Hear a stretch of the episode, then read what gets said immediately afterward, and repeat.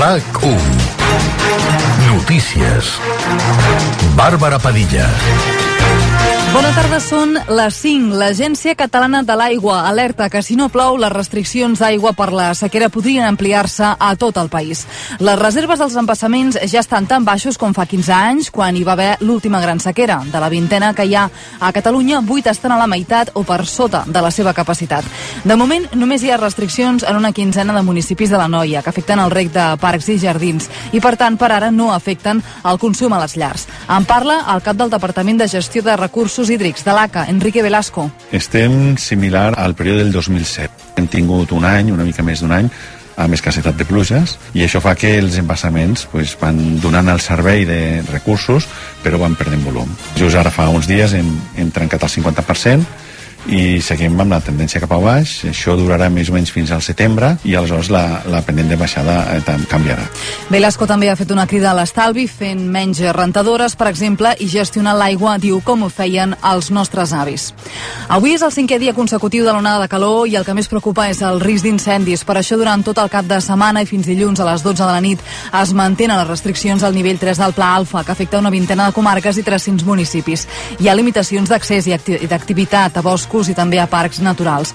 Doncs justament per incomplir les restriccions per la calor, la policia del Platja d'Aro, al Baix Empordà, ha denunciat una empresa que ahir estava fent tasques de neteja forestal. Els operaris treballaven en un terreny proper a la zona boscosa del massís de les Gavarres i feien servir eines que podien generar espurnes. La policia els va obligar a aturar l'activitat per reduir el risc d'incendi. A tot això, l'aeroport de Sabadell torna a estar operatiu després de l'incendi que ha afectat part de les seves instal·lacions. Salvador Illa li recorda a Pere Aragonès que també hi ha una taula de diàleg entre catalans. El líder del PSC li demana que la convoqui i que ho faci amb totes les forces polítiques. Creu que sense aquesta taula no es resoldrà res. Ho ha dit avui a la reunió del Consell Nacional del PSC que s'ha fet a Terrassa. Acordamos que se pondría en marcha una mesa de gobiernos y se pone en marcha. Tercera reunión la última semana de julio. También acordamos que se potenciaría una mesa de partidos en Cataluña. Y yo también pido que se cumpla lo que se acordó. Y me dirijo al presidente aragonés. Esto también se acordó y esto también se tiene que poner en marcha. Y yo pido que pongamos en marcha el diálogo entre catalanes. Sin esto no vamos a solucionar nada. Ella considera que cal posar fi a la divisió i reivindicar allò que uneix, diu, als catalans. I en aquesta nova jornada de vaga dels tripulants de cabina d'EasyJet a l'aeroport de Barcelona només s'han cancel·lat un vol de la companyia entre Barcelona i París. A tot l'estat espanyol se n'han cancel·lat tres. Pel que fa als vols en retard, n'hi ha hagut cinc amb sortida a Barcelona i set amb arribada al Prat. Tot i això, segons el secretari general d'USO a EasyJet, Miguel, Miguel Galán, la incidència de la protesta és baixa perquè l'empresa ha portat tripulació d'altres països per suplir els treballadors que fan vaga. La empresa ha procedido a traer tripulación inglesa, italiana y alemana en todas nuestras bases. Son esquiroles que están ahí para operar incluso aquellos vuelos que no estaban protegidos como servicios mínimos. D'aquesta manera s'ha pogut mantenir gairebé tota la programació de vols. I ara els esports, a Muriel Jové. L'expedició del Barça mm, cap als Estats Units ha sortit més d'una hora i mitja tard sobre l'hora prevista en direcció Miami, pocs minuts després de les 4. Finalment l'avió s'ha enlairat després d'haver resolt un problema de quatre passatgers amb el sistema electrònic per l'autorització de viatges. També ha tingut problemes amb el visat l'entrenador Xavi Hernández, que no, s'ha pogut, que no ha pogut pujar a l'avió per problemes amb el seu passaport i s'incorporaran els propers dies a la gira. Mentrestant, el Bayern de Munic ha confirmat que hi ha un acord verbal amb el Barça pel traspàs de Robert Lewandowski pel qual el Barça pagarà 45 milions d'euros factors més variables a falta d'oficialitat. El davanter ja s'ha acomiadat aquest matí dels seus companys de la ciutat esportiva del Bayern i mitjans polonesos asseguren que demà volarà cap als Estats Units per incorporar-se a la gira de l'equip un cop es faci oficial el traspàs. Encara en futbol, a dos quarts de set l'Espanyol juga el primer partit de pretemporada contra el Montpellier a la ciutat esportiva Dani Hark i més tard a les 9 la selecció espanyola juga l'accés als quarts de final de l'Eurocopa femenina d'Anglaterra. Espanya necessita com a mínim un empat contra Dinamarca per classificar-se i falten ara mateix dos quilòmetres pel final de la 14a etapa del Tour de França entre Saint-Étienne i Mende de 192 quilòmetres. Encapçalen ara mateix eh, la cursa l'australià Michael Matthews i l'italià Alberto Betiol perseguits a mig minut pel català Marc Soler. El grup gran i roden el líder de la General Jonas Vingegaard i el seu perseguidor Tadej Pogacar i el temps de tarda no ens portarà canvis i la calor continuarà sent molt intensa fins que es faci fosc. En termòmetres a prop dels 40 graus a molts punts de l'interior. A la costa, la xafogó seguirà molt marcada i demà tornarà a ser un dia de sol i calor extrema a l'interior entre el migdia i les primeres hores de la tarda.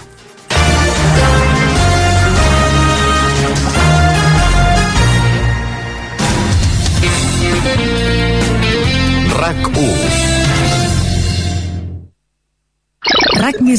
podcast. RAC més i Nextory presenten Explica'm històries, un podcast amb Laia Flores on els audiollibres són els protagonistes. Parlarem amb escriptors, narradors, autors que han posat veu als llibres que han escrit, perquè la lectura també s'escolta. El món de l'audiollibre a Explica'm històries. Escolta-la a rac1.cat i a l'app de RAC1 amb el patrocini de Nextory. RAC1. Tots som Més u. RAC1. Al tu diràs, passen coses com aquesta. Jo no et vull fer spoiler, però tinc clar com acaba això. Ara venen els gols del Madrid. Però Miquel Vesga insistirà per Berenguer a l'interior de l'àrea, fa el rebuig, el truc!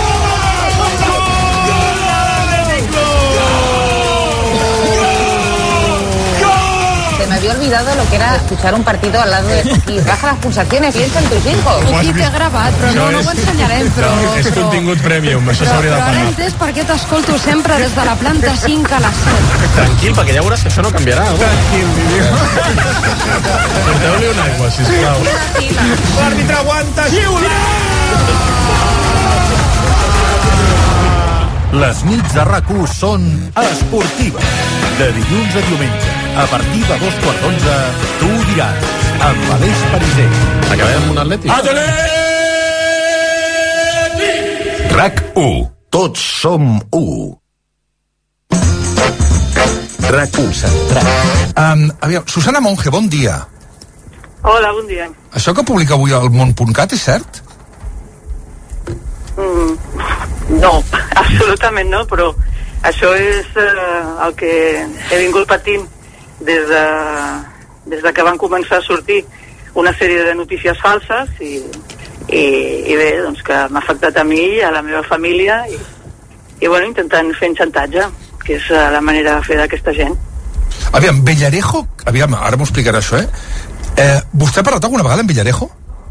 Mai, Mai, mai, mai, mai l'he conegut. mai. Villarejo, Ah, tampoc, Digui. tampoc he conegut mai a cap dels Pujol. Ja, però i com pot ser que... Cosa, Vill- cosa que, que pot, ser, pot semblar estranya, perquè estava a la Junta del Barça i tal, però és que mai vaig coincidir amb cap dels Pujol. Val, però és, és bestial, per tant, Villarejo creia que vostè tenia informació literal, eh, sobre dos zulos donde habría ah, escondidos 50 millones de los Pujol. Bé, això dels 50 milions és la primera vegada que ho sento. El que, el que sí que ens va passar és que a, a partir de cert moment van començar Ai, a, a Espera, espera, eh, eh, senyora Monge, busquem una millor ubicació, perdó, senyora Monge, busquem una millor ubicació eh, perquè m'interessa molt el que estava escoltant perquè s'ha tallat, ah, anem a recuperar perquè parla, he, apa- he sentit la paraula xantatge. Que li han estat fent xantatge a la família i tot plegat, i és que esclar estem parlant, o sigui, una persona que no coneix ni a Villarejo ni a cap membre de la família Pujol Però llavors el, la capacitat de fabulació del senyor Villarejo va més enllà bueno, de... és infinita pel que, inter Clar. interpreto. Ara m'ho explicarà de, de seguida eh, Susana Monge. Repetir que Susana Monge va ser tresorera del Futbol Club Barcelona a les èpoques que Sandro Rossell era president del Barça i Josep Maria Bartomeu era, era, president, del, era president del Barça. Per tant, estem parlant d'una època que, que Déu-n'hi-do. Aviam si creuem els dits, ara sí.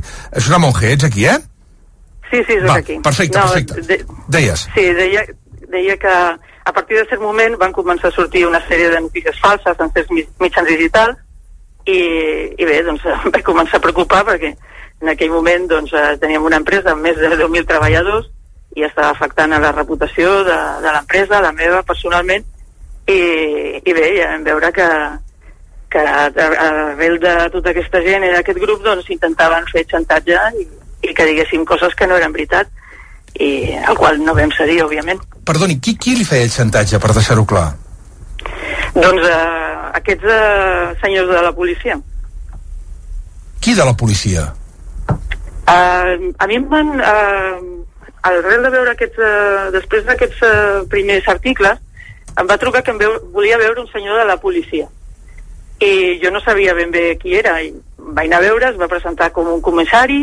Eh, tampoc sabia ben bé qui era fins ara que he vist que era el senyor Pino. I, i bé, doncs eh, va establir no, la, la beca que estava passant i, i el que demanaven, no? que era doncs, bàsicament dir mentides i, i bé, doncs que accedís un xantatge i no va ser l'únic, eh? també rebre en aquells moments cartes de manos límpies també buscant més o menys el mateix Val, per, per, perquè ho entenguem, eh, Susana Monge, vostè està denunciant que la policia li va fer xantatge si no anava contra els Pujol? Sí. Sí, sí, és així. I, i permeti'm, eh, vostè no coneix els Pujol per res, ningú, eh? Ni el pare, ni els fills, ni a ningú, eh? Ni a ningú, a ningú, ni pare, ni fills, ni llarejos, ni ningú. Jo era una empresària eh, que estava en el Barça perquè m'ho va demanar el Sandro, eh, de tot cor, treballant pel club, i, i bé, van identificar que per estar en aquesta posició doncs, eh, i a través de la meva empresa eh, em podien fer mal i, i bé, doncs eh, vaig patir tot això i va ser terrible i ha tingut un peatge a més a més eh, terrible per la meva empresa per què? i per la meva família per què? doncs perquè bueno, era una empresa del sector de la construcció i anava molt bé eh, sobretot a l'estranger i, i bé, tots aquests temes eh, quan es publiquen doncs s'afecten la reputació i, i la reputació és tot en una empresa d'aquesta mena. I el tema familiar com l'ha afectat? Doncs el tema familiar eh, és el pitjor perquè eh, poc després de començar això, uns mesos, un any, doncs eh, el meu pare va malaltir i bé, eh, mai es pot eh, dir que fos una causa una cosa de l'altra, òbviament, no? però eh, és una cosa que jo sempre tindré a dintre, no? de, de, de que el càncer de pàncreas que va patir, doncs, en bona part doncs, ve de, de tots aquests disgustos. No? Ha parlat d'Eugenio Pino. Només ell o estaven involucrades més persones en aquest xantatge, senyora Monge?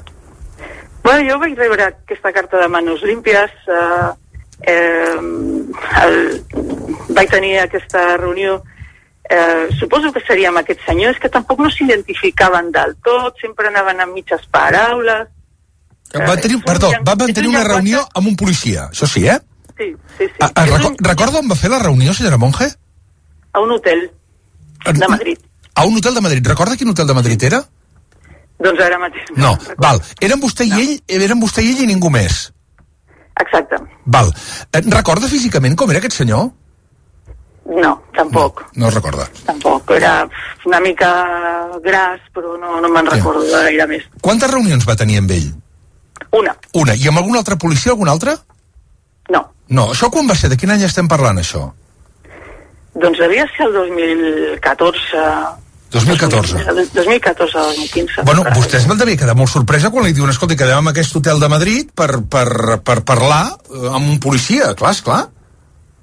Bé, estaven eh, començant a sortir eh, notícies falses per tot arreu i jo també buscava eh, què estava passant. Llavors, eh, quan em van dir doncs, eh, de la possibilitat d'aquesta reunió, doncs eh, eh, vaig acudir. Vaig acudir perquè, francament, no m'havia passat mai i, i estava molt sorpresa i buscava la manera no, de veure què estava passant. I què li va poc dir? Després, sí, no, poc després em vaig assabentar de més coses, de que hi havia un, un informe d'aquests apòcrifs de, suposadament de la policia que estava tot ple de notícies falses i d'aquí era d'on estaven sortint la majoria de les notícies dels, de, suposades notícies perquè eren tot mm, mentides de, de tots aquests digitals. Què deien aquests digitals? Em, em, em recorda, Susana Monge, què deien aquests digitals respecte a vostè? I la, o la seva Sí. empresa? O la, què deien? Sí. No, deia que la, la meva empresa i, i tot el que havíem fet després de tota una vida de treball del meu pare i tot, doncs era gràcies als Pujol, que tenia una relació amb no sé quin dels Pujol. Sé també que van seguir a la meva família i a mi mateixa, un policia a les ordres de- d'aquesta gent, i bueno, es devia avorrir moltíssim perquè la meva vida és bastant avorrida però, però sí, sí, o sigui de tot, de tot, fals, tot per fer mal i per eh, intentar doncs, que digués mentides i, i corroborés unes coses que, que no eren veritat i que, bueno, si alguna m'ha ensenyat el meu pare és que no s'ha de seguir un xantatge i, i no ho vaig fer. Per, perdoni, en aquell moment què li diuen a vostè? En, aquell, en aquella trobada en aquest hotel de Madrid, què li diu aquest senyor? Doncs em diu que estan investigant uns delictes molt, gre- molt greus De qui? contra, contra una sèrie de gent a Catalunya Mm. i a la meva posició privilegiada a Catalunya era que ells, ells pensaven doncs, que podria ser molt útil en l'esclariment d'aquests delictes. I llavors, en, en un primer moment, i, bueno, mm, hi ha un policia aquí davant i et diu que ajudis en, en un delicte, en el que puguis, doncs eh, molt bé, aquí estic, eh, eh, digueu-me. Però, clar, o sigui, aquesta ajuda el que volien era, no?, doncs, eh, digue'm informacions que, que corrobora informacions que nosaltres et direm eh, que estem trobant i, i ja vaig veure que, que això anava per una altra via, que no era, no era sa, que, que el que volien era que jo corroborés mentida. Vostè va trucar després per dir no comptin amb mi per això perquè no sé res o vostè li va dir aquell dia escolti'm és que no sé, jo no conec els Pujol no conec res Eh, clar que li vaig dir. i què va dir ell? No, que, que no era només això, que hi havia doncs, eh, qüestions que estaven eh, trobant a Catalunya i que estaven buscant doncs, eh, fons eh, properes al, a, als sectors empresarials catalans per eh, corroborar certes informacions. Va parlar d'algun nom més, aquest policia, al marge dels Pujol? No, en aquell moment no. No. I en cap altre moment interpreto o sí? No, no, en ca- cap altre moment. tampoc. Val. Vostè va sortir d'allà, no sé si marejada, indignada, eh, eh, no, no, no, no en tinc ni idea. Vaig sortir amb ganes de vomitar en una paperera. Sí, mai m'havia trobat en una situació així, mai més m'he tornat a trobar. El que sí que va ser al principi, i jo ho sabia, d'un infern. Un infern perquè jo sabia perfectament que aquesta gent em podia fer la vida impossible i, i ho van fer. Avui, vostè no ha parlat tot aquest temps i li agraeixo molt que ho faci també aquí a, aquí a RAC1 avui, aquí al món a RAC1. El que està explicant és molt bèstia, permeti, permetin que li digui, és molt bèstia tot això que m'està explicant. Eh, a partir d'aquí vostè comença un calvari. En cap moment ho denuncia això davant de la policia, dels, perdó, dels Mossos d'Esquadra, per exemple? Però és que, eh, a veure, jo tenia 10.000 treballadors, nòmines que pagar, eh, jo no podia començar una guerra oberta amb, amb els, eh, els eh, càrrecs del, dels establissements de Madrid. Sí, és, eh, realment eh, estava en una situació impossible. Clar, per, el que per, podia, per, per, por, podia per, intentar, per por, clarament. Eh, òbviament. El que, més que per por, per eh, responsabilitat cap a la meva empresa i, i als meus treballadors. Jo el, el que intentava era doncs, que em deixessin en pau, passar desapercebuda, dir que eh, el, que és- el que és la veritat, que, que s'equivocaven, que jo no sé res, que no, no coneixia ningú, i que em deixessin en pau.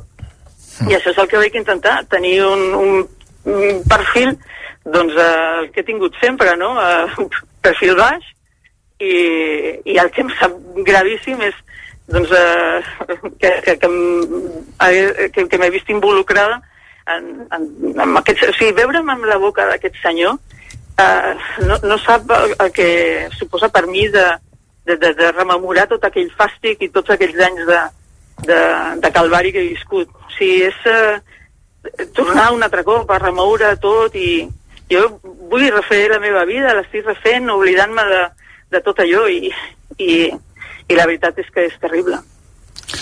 Poca broma, el que està explicant avui Susana Monge aquí al Món RQ, que ara, si em permet, i, i vull agrair, reitero, aquesta deferència que he tingut al Món RQ, jo crec que avui ja, ja dic que prou, i ha explotat, diu, són tots aquells anys que he passat. A partir d'aquell moment que surt d'aquella reunió d'aquest hotel de Madrid, què li comença a passar, senyora Monge? Perdó, on van sortir eh, publicades aquestes informacions? Recorda els digitals? Sí, sí, el primer digital va ser una sèrie de tres notícies, ho recordo com si fos ahir, una sèrie de tres notícies al Confidencial, que es van fer ressò d'altres mitjans nacionals, internacionals, perquè totes les notícies començaven amb la, tresor la tesorera del Barça tal. Eh, o sigui, començaven totes igual. I després, doncs, eh, sobretot el Crònica Global i, i algun altre mitjà més d'aquests digitals que... A l'Ok Diario, també, a l'Ok Diario. Llavors, quan, quan tot això surt, bueno, quan, quan passa això de la reunió aquesta famosa que m'estava explicant, quan surt d'aquest- d'aquesta trobada, d'aquest, eh, d'aquesta trobada, que no sé si va durar molt aquesta trobada, per cert, amb aquest policia. No, no devia durar 10 minuts. 10 minuts, només, molt, molt poc, i vostè diu, tenia ganes d'anar amb una, amb, amb, amb, amb una paperera, eh, amb una paperera i vomitar. Sí. Deia. Sí, sí, tinc, tinc aquest record, sí. Eh, surt d'allà i truca algú? El meu pare. I, I qui li diu al seu pare? Doncs que intenten fer xantatge i, i que res, que, que no, que, que no hi ha res a la vida que, que vali eh, aquests principis, no? Mm. Aquest xantatge, permeti'm, què era? Si no, perquè clar, un xantatge és, si no em dones això, jo et faré això. Què és el que volien fer? Doncs, eh, aviam, això, amb aquestes paraules mai eh, et diuen exactament aquestes paraules, però ho deixen perfectament implícit. O sigui, és aquest llenguatge que fan servir. Uh, el que jo sé llegir també entre línies i el que estava dient, que, que el que m'estava passant ho podien fer desaparèixer i al mateix temps vaig entendre que era el, eh, qui ho estaven provocant. I per tant... I, i bé, doncs, doncs eh, buscaven col·laborar, en, en l'eufemisme de col·laboració buscaven la corroboració d'unes mentides que ells em posarien a davant. I, i bé, doncs per aquí no, no passo. Va dimitir del Barça per aquest motiu?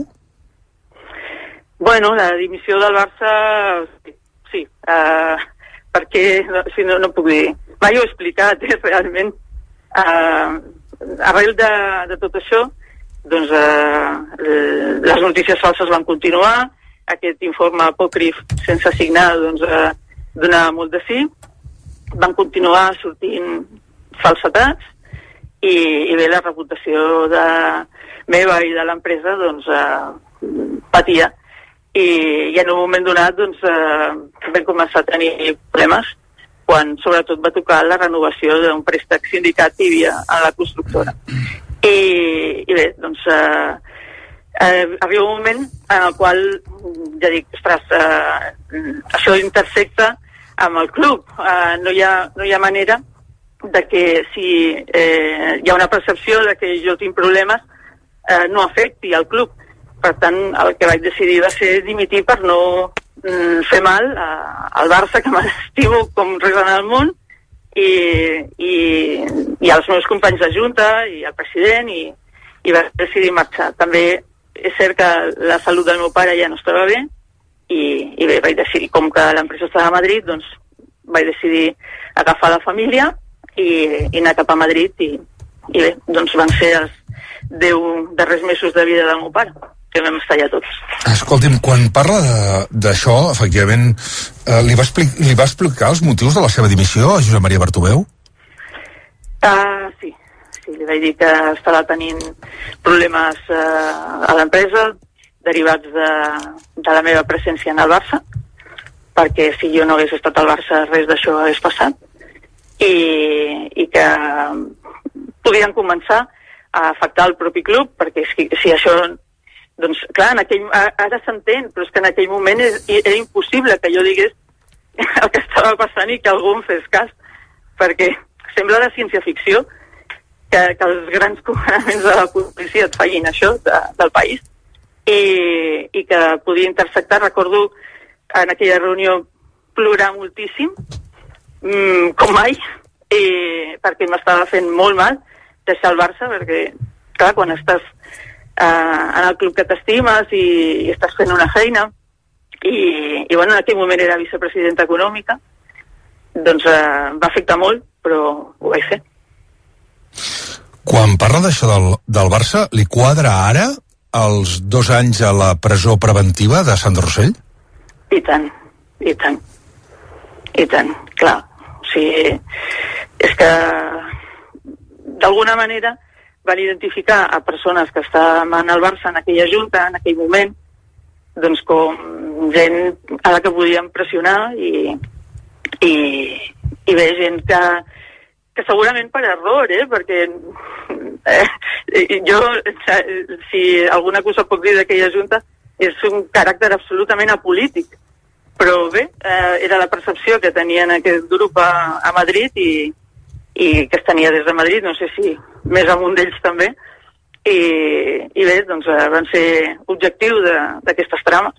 i em quadra perfectament i, i tota la solidaritat i l'estimació infinita cap al Sandro perquè el que li van fer no té nom. Ja. Quan... Permeti'm, perquè he dit que a vostè la van seguir. M'explicava abans que la van seguir. Eh, com ho, ho, ho va poder confirmar? Perquè ho va veure clarament de que la seguien? M'ho van dir, m'ho van dir. Qui li va dir? Doncs arrel de tot això eh, vam contractar una persona de seguretat perquè no sabíem el no cedir un xantatge d'aquesta mena el, el que podia passar amb la nostra realitat física i aquesta persona tenia també els seus contactes dintre de la policia i m'ho va dir. I què feien exactament? Doncs es veu que ens van seguir durant un temps. Uh, seguiment telefònic, uh, seguiment físic, van anar a casa meva, van seguir el meu marit, van seguir els meus fills. Els seus fills també? També, sí, sí. Sabien on anaven a l'escola. Bueno, seguien el meu marit i llavors també el seguien amb ells, sí, sí. Escolta'm, permeti'm perquè crec que és el món al revés això, eh? Vostè va contractar seguretat privada per por a la policia espanyola? Sí, exacte. Sí, sí, és que sembla de ciència-ficció, és que, clar, és que com algú pot... Mm, com, com jo podia pensar que algú em podia creure, oi? És que és el món al revés, realment. He viscut situacions kafkianes a la meva vida. Vol explicar alguna cosa més, Susana Monge? El que m'agradaria és que tot això desaparegués d'una vegada no? uh, i, i sobretot no veure'm en, en boca d'aquesta gent perquè uh, és denigrant uh, em trobo denigrada només de que pensessin en mi, de que parlessin amb mi amb, amb aquests tons, amb, aquesta, amb aquests desprecis, amb aquestes mentides i mentides i mentides, no? que destrossen vides, empreses, feines eh, han fet molt mal i, i estic farta de que em facin mal, de veritat. Ha remuntat? Estem en ello, encara, encara hi ha eh, coletazos no, de, de tot allò. I és difícil, però, però bueno, intentem. Uh, ara que ja relativament sembla que ha passat tot, s'ha plantejat, Susana Monge, uh, ara sí, presentar una querella contra aquesta gent?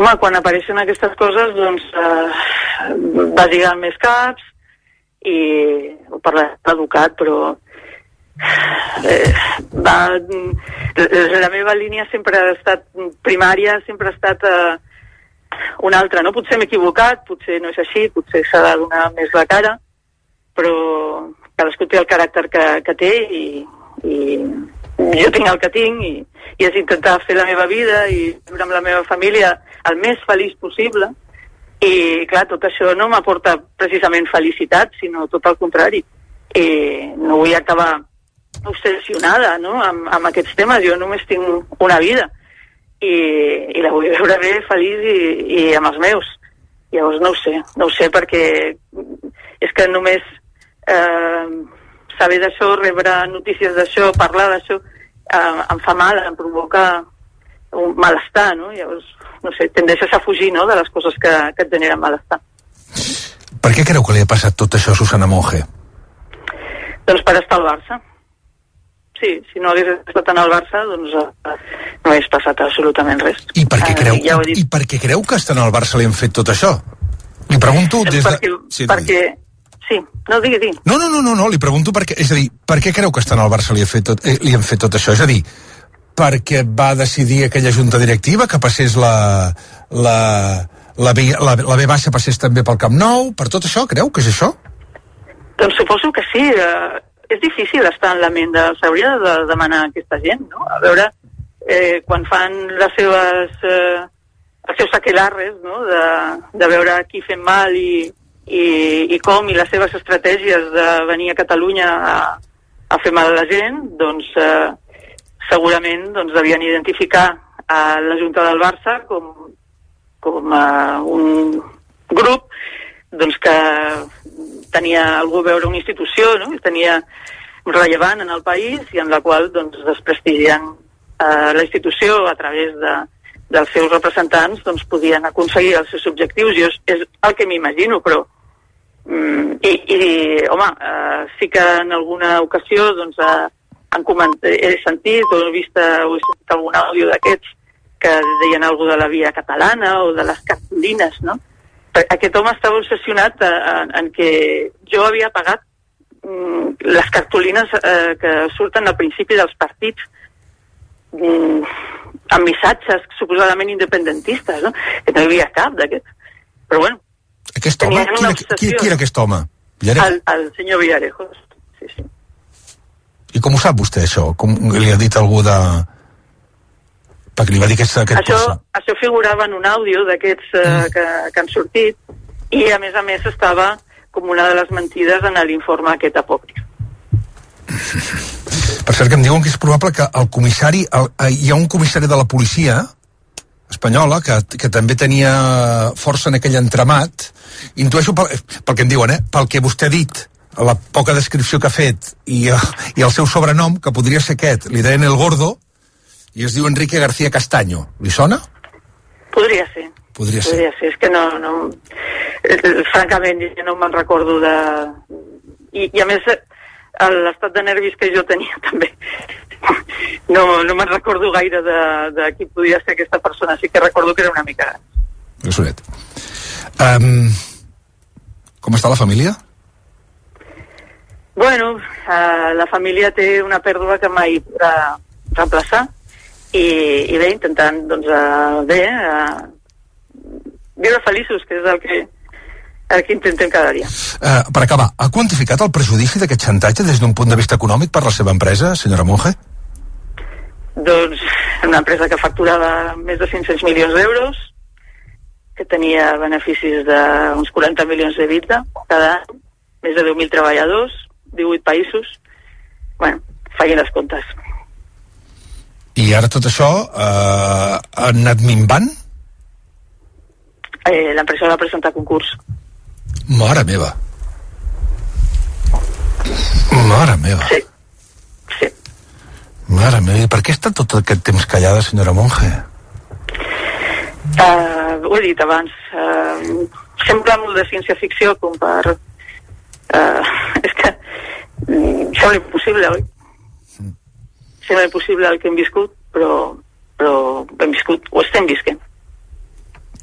I vostè creu que hi ha algú al darrere de tot això? Suposo que aquesta gent no treballava sense instruccions, no? o sols o per pròpia iniciativa, no sé, eh, només, només ho puc suposar, uh, no tinc no tinc cap prova i, i per tant no, no, puc dir, no puc dir res però no ho sé, francament es fa difícil eh, pensar que, que actuessin en solitari Espero que aquesta conversa l'hagi servit una mica per explicar-se, per alliberar-se, per treure's aquesta, aquesta angoixa que segurament és que no ho vull imaginar. Això m'ha dit que era quin any, Susana Monge? Això era quin any, deia, la trobada aquesta? 2000, formal? a partir de 2014 va ser tot això 2014, o sigui, fa 8 anys. I, sí. durant, I durant 8 anys vostè ha viscut amb aquest neguit dins. i segueixo visquent, sí Encara? Encara, clar. Encara pateixo les conseqüències del concurs de d'Hisenda, que és una altra de les potes no? que fan servir. Encara, encara. Però també tinc clar que no tota la policia és així. Eh, no tots els estaments de l'Estat doncs, eh, tenen aquesta mena de corrupció. I estimo moltíssim eh, eh, on, on ha arribat la societat i, i com vivim i, i cal lluitar per defensar-la i segueixo visquent aquí i, i aquí és on està la meva família i, i sempre defensaré no?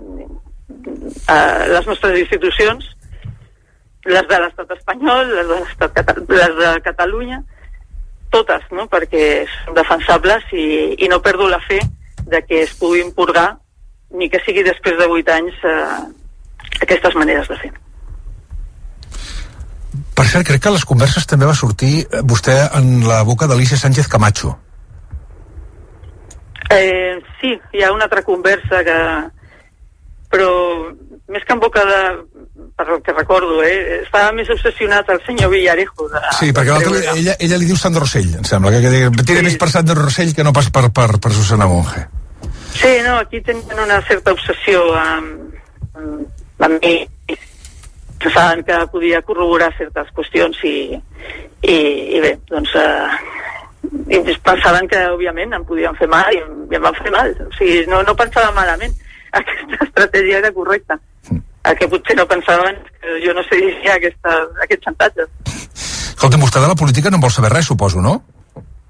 no, no, no, no ens ha donat per aquí ja el, la, la part de servei públic ja va venir eh, quan vaig formar part de la Junta del Barça i, i molt contenta que estava va ser una pena que, que no pogués continuar i, i hi ha molt dolor ho vaig deixar perquè quan estàs eh, en el club dels teus amors doncs eh, el que vols és seguir contribuint però va ser així Escolta, de la querella realment no creu que ho hauria de fer?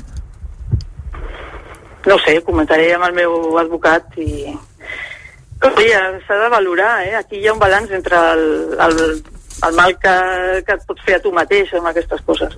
Ja. Susana Monge, molts ànims i moltes gràcies per la deferència amb el món RQ i, i molta sort, de debò. Moltes gràcies. Que vagi bé, bon, bon dia. RAC1 centrat. RAC1. Senyores i senyors, tot passa al vostè primer, amb Marc Giró. D'una a dues del migdia a RAC1. Marc Poyato acaba d'aterrar l'helicòpter. Amb el fèretre de Franco a dins. La ministra, en Francis Franco i el fèretre. Sembla un xiste. Había una vez un helicòpter, una ministra de Justícia i Francis Franco dentro. Laia Colomer. Explico tu millor perquè jo m'he fet un lío. L'última hora pel que fa al temporal Glòria, que està afectant de ple el país. Espera't, perquè crec que el Joan Maria Morros ens donarà pas a la conferència de premsa. Des del govern de Catalunya volem seguir insistint Garantir la distància mínima. El nostre corresponsal a Londres ha mort Felip d'Edimburg. Quina és l'última hora? Bueno, que Sí, s'ha mort. doncs, L'última hora és que s'ha mort, però després ampliat. Ha mort als 99 anys. Moltes gràcies. Xavi Hernández. Està a punt de plorar, eh? Visca el Barça i visca Catalunya. Exhumacions, huracans, compareixences, presentacions. Tot passa al vostè primer. D'una a dues del migdia amb Marc Giró. RAC1. Tots som un. Escolta, és que al final, amb tantes coses que passen, no tinc temps de parlar de mi. RAC Més un, podcast.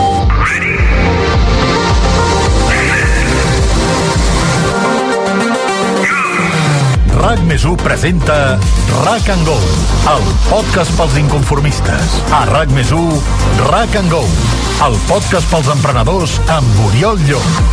Change the world, or the world will change you. Escolteu-lo a rac1.cat i a l'APP de RAC1, amb l'impuls de CaixaBank Day One. Renovada, actualitzada.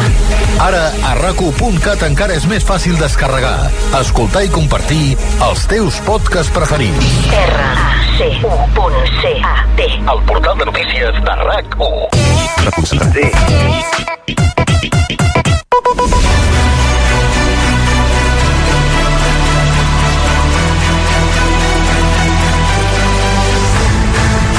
Set minuts, arribarem a les 6 de la tarda. Potser recordeu que a mitjans d'abril us vam, eh, us vam parlar d'una experiència a Barcelona que consistia en que un pastor pasturés el seu ramat d'ovelles a Guaicerola i així evitar, per exemple, la possibilitat d'incendis forestals eh, aquest estiu. Això es va fer, eh, es va plantejar des de l'Ajuntament de Barcelona, bombo i plateret, eh, com, en fi, un d'aquests eh, invents mm -hmm. que fa l'Ajuntament eh, per, eh, com a mesura innovadora i sostenible i es va plantejar en aquell moment que el, la pastura de les ovelles, concretament del Dani Sánchez, doncs eh, generés a, aquesta manera de controlar la vegetació eh, a través de les pastures. Marc Serra, eh, bona tarda. Bona tarda. Eh, ens va presentar el Dani Sánchez, van poder parlar amb ell Sí. i eh, em sembla que aquesta proposta, aquesta iniciativa podem dir que de moment ha quedat eh, aturada. Vam parlar amb ell quan portava una setmana de, de feina. Sí? Ara han passat tres mesos, per tant el projecte s'ha acabat i podrem de seguida tenir una idea més clara en la seva veu de com li ha funcionat aquest projecte. Recordeu que això, com deies, va ser anunciat, escolta'm, va ser viral, es veia el seu ramat amb unes fotografies amb el fons a Barcelona, Mitjans de comunicació... ovelles i cabres a Collserola, eh, la seva arribada va ser rebuda amb tots els honors, tot i que el Dani en aquell moment, quan passaven, res, set dies que havia arrencat, ja ens va explicar que una cosa era la teoria i l'altra la pràctica, sobretot amb un toldo. Recordeu que allà faltava un toldo, mm, perquè les ovelles estaven molt exposades i hi havia aquest problema. perquè es van preparar coses però veu que no es va acabar de preparar tot i, el toldo s'està retrasant Però què, què, què és això del toldo, exactament? Explica-m'ho. a veure, jo quan jo a casa meva bueno, el rabat es diu Happy Chais Savall, no sé si ho he dit però a casa meva fem un, un, un maneig eh, una mica en extensiu, vull dir, completament en extensiu, no, no tenen corral. I jo sempre munto la pleta, que la pleta és on dormen, a sota dels arbres, enmig del bosc. Aquí. I llavors, eh, clar, aquí m'han posat, hem muntat la pleta eh, enmig d'un d'un descampat, diguéssim, que no hi ha ombres ni res. Llavors, clar, jo ara porto un parell de coixes. Aquest parell de coixes no les puc, no les puc deixar allà amb menjar perquè és que es fregirien al sol. Clar, i no hi ha ni un toldo. No. Aquest era un primer element que ja ens va cridar l'atenció, que potser faltaven algunes coses. Ell sempre ha insistit que el seu benestar no li importava, sinó que abans passava per davant el benestar de les ovelles. Però coses que ens va explicar de la seva pròpia situació també ens van cridar l'atenció. Tu on estàs? O sigui, on, on dorms? Jo, bueno, m'he instal·lat eh, al costat del, del ramat, eh? ja t'he dit que eren les meves nenes, no les penso deixar soles. Però en, però en quines condicions dorms? bueno, sí, clar, eh, m'han deixat un, una... Perquè, a veure, jo, jo dormo amb el ramat, em sap molt greu, però jo em quedo amb el ramat, i més aquí a Barcelona, i... I bueno, doncs m'hi vaig ficar un llit amb una caseta d'aquestes, saps el típic que són oficines d'obra, aquestes caixes blanques, amb dos finestres i una porta. Sí, com, com, com un, un, un barracó d'aquests de- d'obra, de, de quan fan Sí, una, una, un, sí. uns pisos. Estàs allà? Sí que és cert que té una pica i com per estendre els plats però no, no tinc enxufada ni l'aigua ni la llum Això ens va deixar bastant impactats, eh? Ni aigua ni llum. Ara ha passat el temps, com dèiem, han estat 3 mesos de feina pasturant i netejant aquest sotabosc, i ara que s'ha acabat aquesta experiència em pensa que seria un bon moment per tornar a parlar amb el Dani perquè ens faci una valoració final de com ha anat tot plegat. Dani Sánchez, bona tarda. Bona tarda. Què tal, Dani, com estàs? Bé, pasturant. Pasturant, perfecte, em sembla molt bé, com ha de ser, és la teva feina, escolta'm, estupendo. Eh, ara que han passat aquests 3 mesos amb, amb, amb el ramat, eh, si t'ho proposen l'any que ve, tu hi tornes? Doncs no. No. Per No què? tornaré. Bueno, doncs perquè no considero que, que s'hagin esforçat el que s'haurien d'haver esforçat. Amb tu o amb el ramat? Mm, bueno, amb els dos, amb els dos, amb els dos. No s'han esforçat prou? No, no. Per deixadesa o perquè no sabien com portar-ho o què creus que ha passat aquí? Jo, el que jo crec és que han anat massa ràpids i poder no ho han previst tot. Tu creus que estaven prou preparats, que hi havia un pla A i un pla B per les coses que podien passar-vos? No, justament per això, perquè un pla B per coses que puguin passar, doncs estaria bé. I no hi per exemple, el Sant Joan, tothom sabia que estava Sant Joan entremig. I una setmana abans vaig tindre presses per marxar. O sigui, tu havies d'acabar passat Sant Joan i abans de Sant Joan et dir que marxessis. Sí. I per què? Bueno, pel tema dels petards, per si hi havia algun incendi, doncs no ho sé, doncs per les possibles coses que poden arribar a passar, no? I el teu contracte incluïa Sant Joan, per entendre'ns. El meu contracte em penso que diu, no vull parlar gaire alt, però em penso que diu eh, feina feta amb un màxim de 3 mesos. Perquè tu això, Dani, ho has cobrat ja? No, encara no. Es cobra un mes després d'entregar la factura. I tens clar que ho cobraràs o no? Eh, espero que sí, perquè aquesta és l'altra.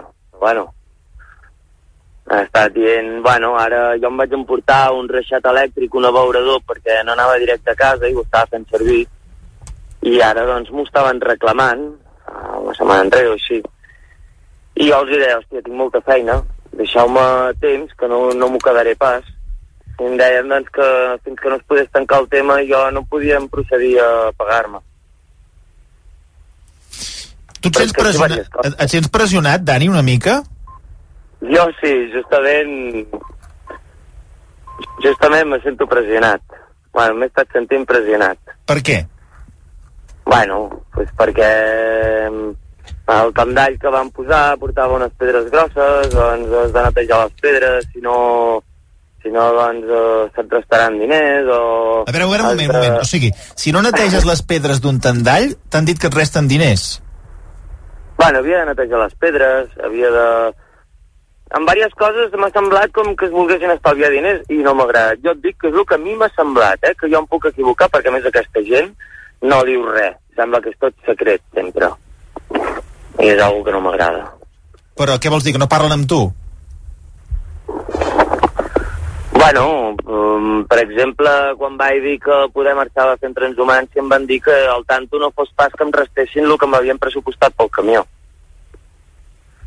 Sí que està El just. camió eren 630 euros. Um, ells van pressupostar 500. Oi que no em van donar els 130 de més? Perquè me'ls han de treure si marxo d'una altra manera. A veure, comencem pels animals, que és el que més et preocupa. Uh, hi ha hagut preocupació pel seu benestar? Jo sí, jo ho he passat malament pels animals. Per què? Va haver-hi una, una tarda, per exemple, que no, que no aconseguia aigua. No aconseguia aigua, més que truqués als bombers, truqués a l'Ajuntament, truqués aquí, truqués, em deien que vindrien el dia matí següent. Però com, com pot ser que hi hagués la possibilitat que el ramat es quedés sense aigua? Doncs no ho sé, doncs mira, no tenia un pla B, no com deia. O sigui, el camió havia de venir un dia i no va venir? El camió, el camió venia els dilluns, el que passa és que després van canviar de dia i jo ningú m'ho va dir. O sigui, tu et vas trobar un dia que no tenies aigua. Sí, bueno, el vaig tindre al matí i al migdia, però al vespre ja no en tenia. I què vas fer? Saps el que és entrar i totes les bèsties cridant.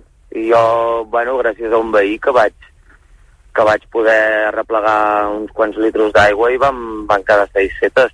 I els bombers em van trucar a les 11 de la nit, com m'havien dit que no podien perquè li fotien no sé quines coses a l'aigua pel foc. O sigui que, És a dir, primer hi poden i després no poden. o sigui que l'aigua al final te la deixa un veí. Sí. I els bombers Els t'havien dit veïns que... i els ciutadans s'han portat superbé. Però l'Ajuntament no tant, dius? No. Dic, o, el veí et deixa l'aigua i els bombers que t'havien dit que te la portarien i no te la van portar.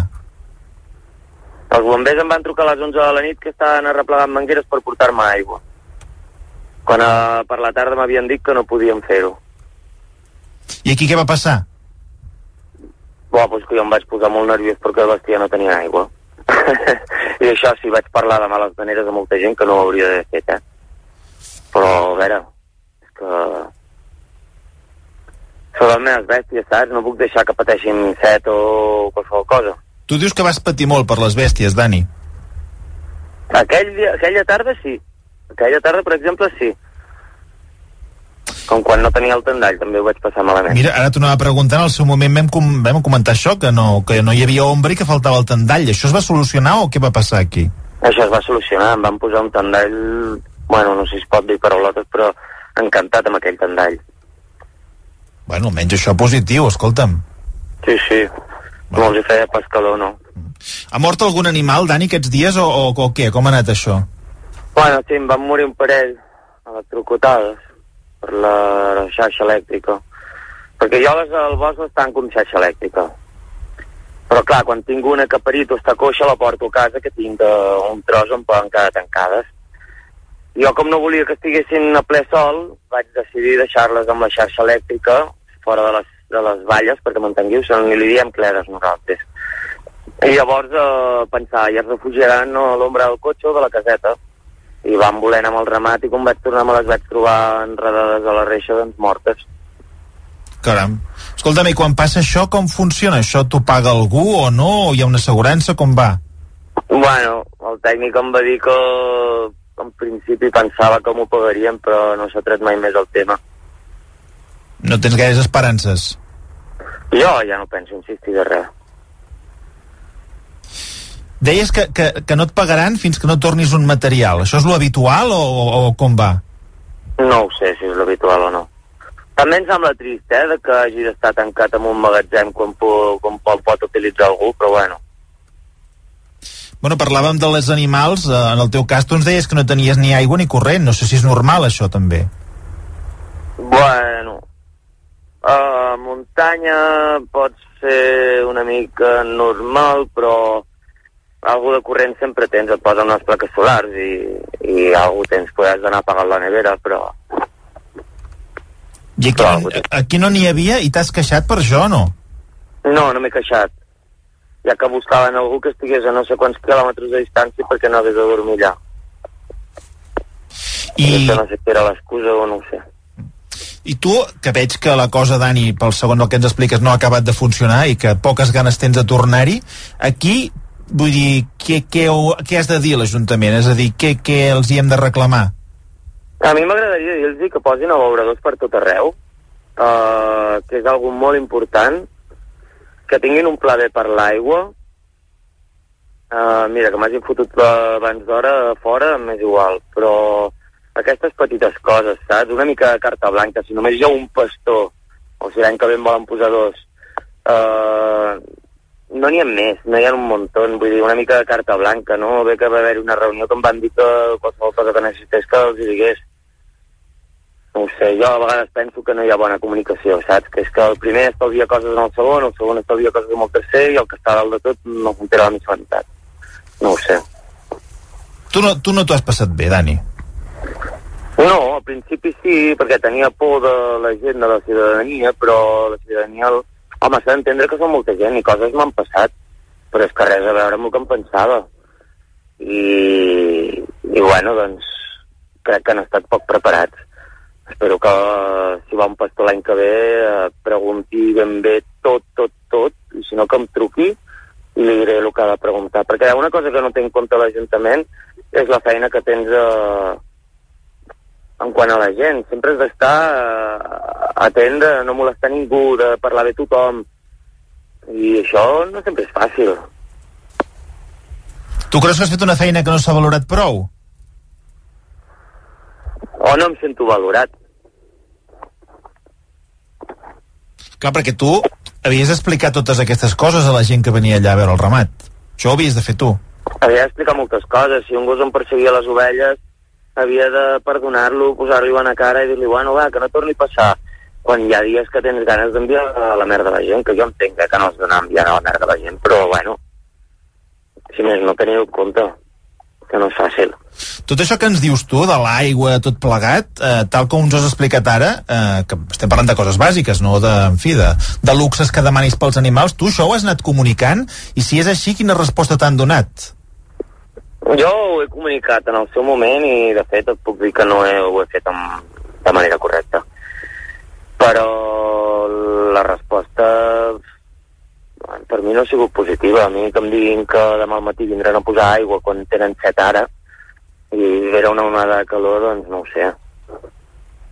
Jo crec que tothom pot valorar ben bé el que, com el que estic dient. Això, Dani, et la sensació que tu potser has fet més màrqueting que, que una altra cosa? És a dir, que quedava molt bé dir que hi havia un pastor Collserola? A veure, la idea és molt bona, la idea és boníssima, però crec que la gent està més ben preparada, la ciutadania està més ben preparada que no pas el, a l'Ajuntament ara com ara. Bueno, doncs escolta'm, eh, em sap greu que no tornis l'any que ve, ara que ja ho tens més o menys per mà. A mi també em sap greu, eh? No t'ho pensis. Si això eh, ja ho vam dir, jo, mira, al principi em deien, sí, sí, home, si això segurament és possible que acabis tenint tu la concessió 5 anys, no sé què, i ja cap al final em deien que, a veure, qui a trien per l'any que ve... Canviat el discurs. Sí. La proposta, no? Canviat el discurs, sí. D'una concessió a 5 anys a l'any l'any vinent, a veure qui posem. A mi m'agradaria que l'Ajuntament fos més transparent. Dani, on estàs ara? Què estàs remenant? Estic a Sant Llorenç, estan morriant encara una mica, però ja surten a menjar. Més tranquil, no?, que aquí? Bon va parar. Bueno. Dani, una abraçada, que vagi molt bé, molta sort. Vinga. Adéu, ah, escolta. Digue'm. que li vull donar un petó molt gros a la meva xicota, la Iai, vale? Home, i tant. És que vulguis. Vinga, una abraçada, una abraçada. Un petó. Bueno, un aplaudiment a tots, bueno, aplaudiment i una, i una salutació a tots els pastors que, Sí. que són eh, importants també pel país i que, una gran com tasca. deia ell, tampoc els tenim pràcticament per res, ni els escoltem. Feina ingrata, feina ingrata. Exacte. Bueno, ell deia que, que la gent que s'ha trobat tenia més coneixement que no pas la gent que organitzava, no? Vull dir que la gent del que l'anava a veure sabia més potser que altres persones que, que tenien decisió sobre aquest Bueno, és que projecte. no és el mateix veure les coses des d'un despatx Ah. que no sobre el terreny. Les coses, I més eh, pel que fa al que és la cura i a tenir el coneixement de, del que és tenir un ramat d'ovelles. Bueno, a mi demanar un punt d'aigua no m'ha semblat tampoc una, No. una petició molt, molt desproporcionada. Marc Serra, moltíssimes gràcies. D'aquí 3 minuts saludarem a Ramon Gené, que mm, li he preguntat uh, si tindríem Gosek, uh, oh. segona part. No, no. I sembla, en primer moment, sembla que la proposta avui no va per aquí. Ara tornem. Així sona. Reconcentrat. Tenim el versió glífic. glífic en marxa ja, ja l'hem llançat a través de la xarxa, alguns ja l'han respost, i avui el versió glífic ens eh, formulen la següent qüestió. Sense defecte ni desviacions. Efectivament, sense defecte ni desviacions. I hi veiem set cors, eh, dels quals sis, sí. Que estan pintats en color negre, sí. estan inclinats. El del mig no està inclinat. Fas uns blancs que sembla José María García. Sí, sí. Vamos a ver. Vinga, Esta noche. set cors. Eh, en el restaurante Los Quemadores y Bebedores. Tots són negres, eh? Tots són No, negres. hi ha sis cors inclinats Sí. De color negre i un que no ho està, que és de color blanc, que està al centre. Ah. Bueno, inclinats. Uns estan cap a la banda esquerra i uns altres estan cap a la banda Estan dreta. inclinats cap a un costat o cap a l'altre. I el del mig, que és de color blanc, no ho està. El cardiòleg, el cardiòleg. La pregunta està. és... Ja està, amb això ja heu de dir, Ja està. sense defecte ni desviacions. El cardiòleg. No sé. Sense defecte, no, no és el cardiòleg. Un hoster, un hoster. No. Un hoster, us l'han posat make-up de hoster. Tampoc. Mireu, si voleu, a les xarxes socials del programa o a racu.cat, on, per cert, trobareu, com deia el Rocco, totes les cançons que cantaran els mm, concursants Ah. de- d'Eufòria. Allà surten totes les cançons i un enllaç on podreu comprar les poques entrades que queden, que l'Endrino diu que efectivament en queden molt poques, perquè ho ha certificat. L'Andrino... Primer diu una cosa i després ne diu una altra. Vaya, vaya ha un. publicat la troca, Vaya un. doncs entreu a Endrino, racu.cat i informaciones del Pepín. Eh, ara.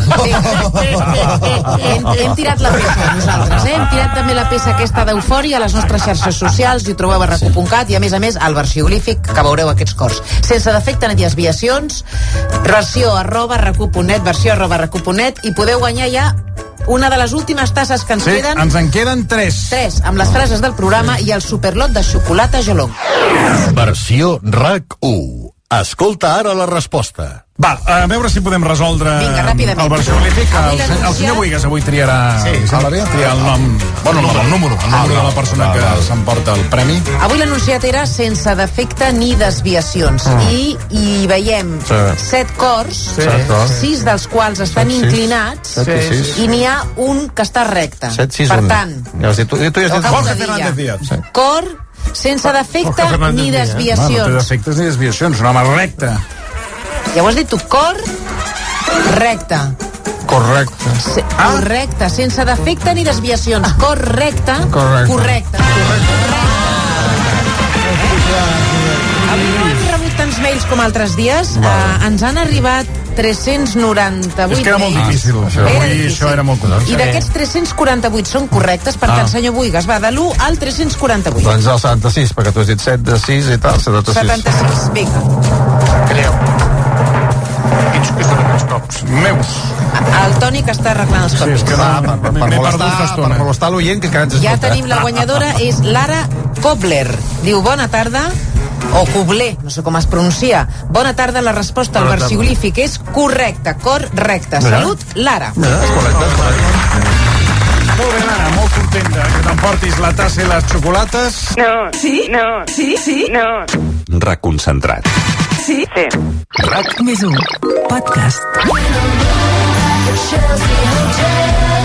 RAC més i Renfa presenten Chelsea Hotel.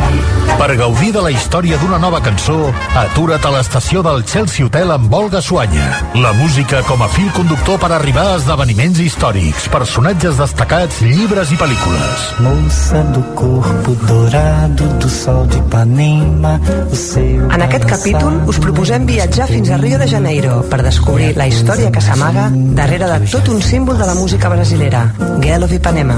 Entreu al Chelsea Hotel de RAC més i us l'expliquem.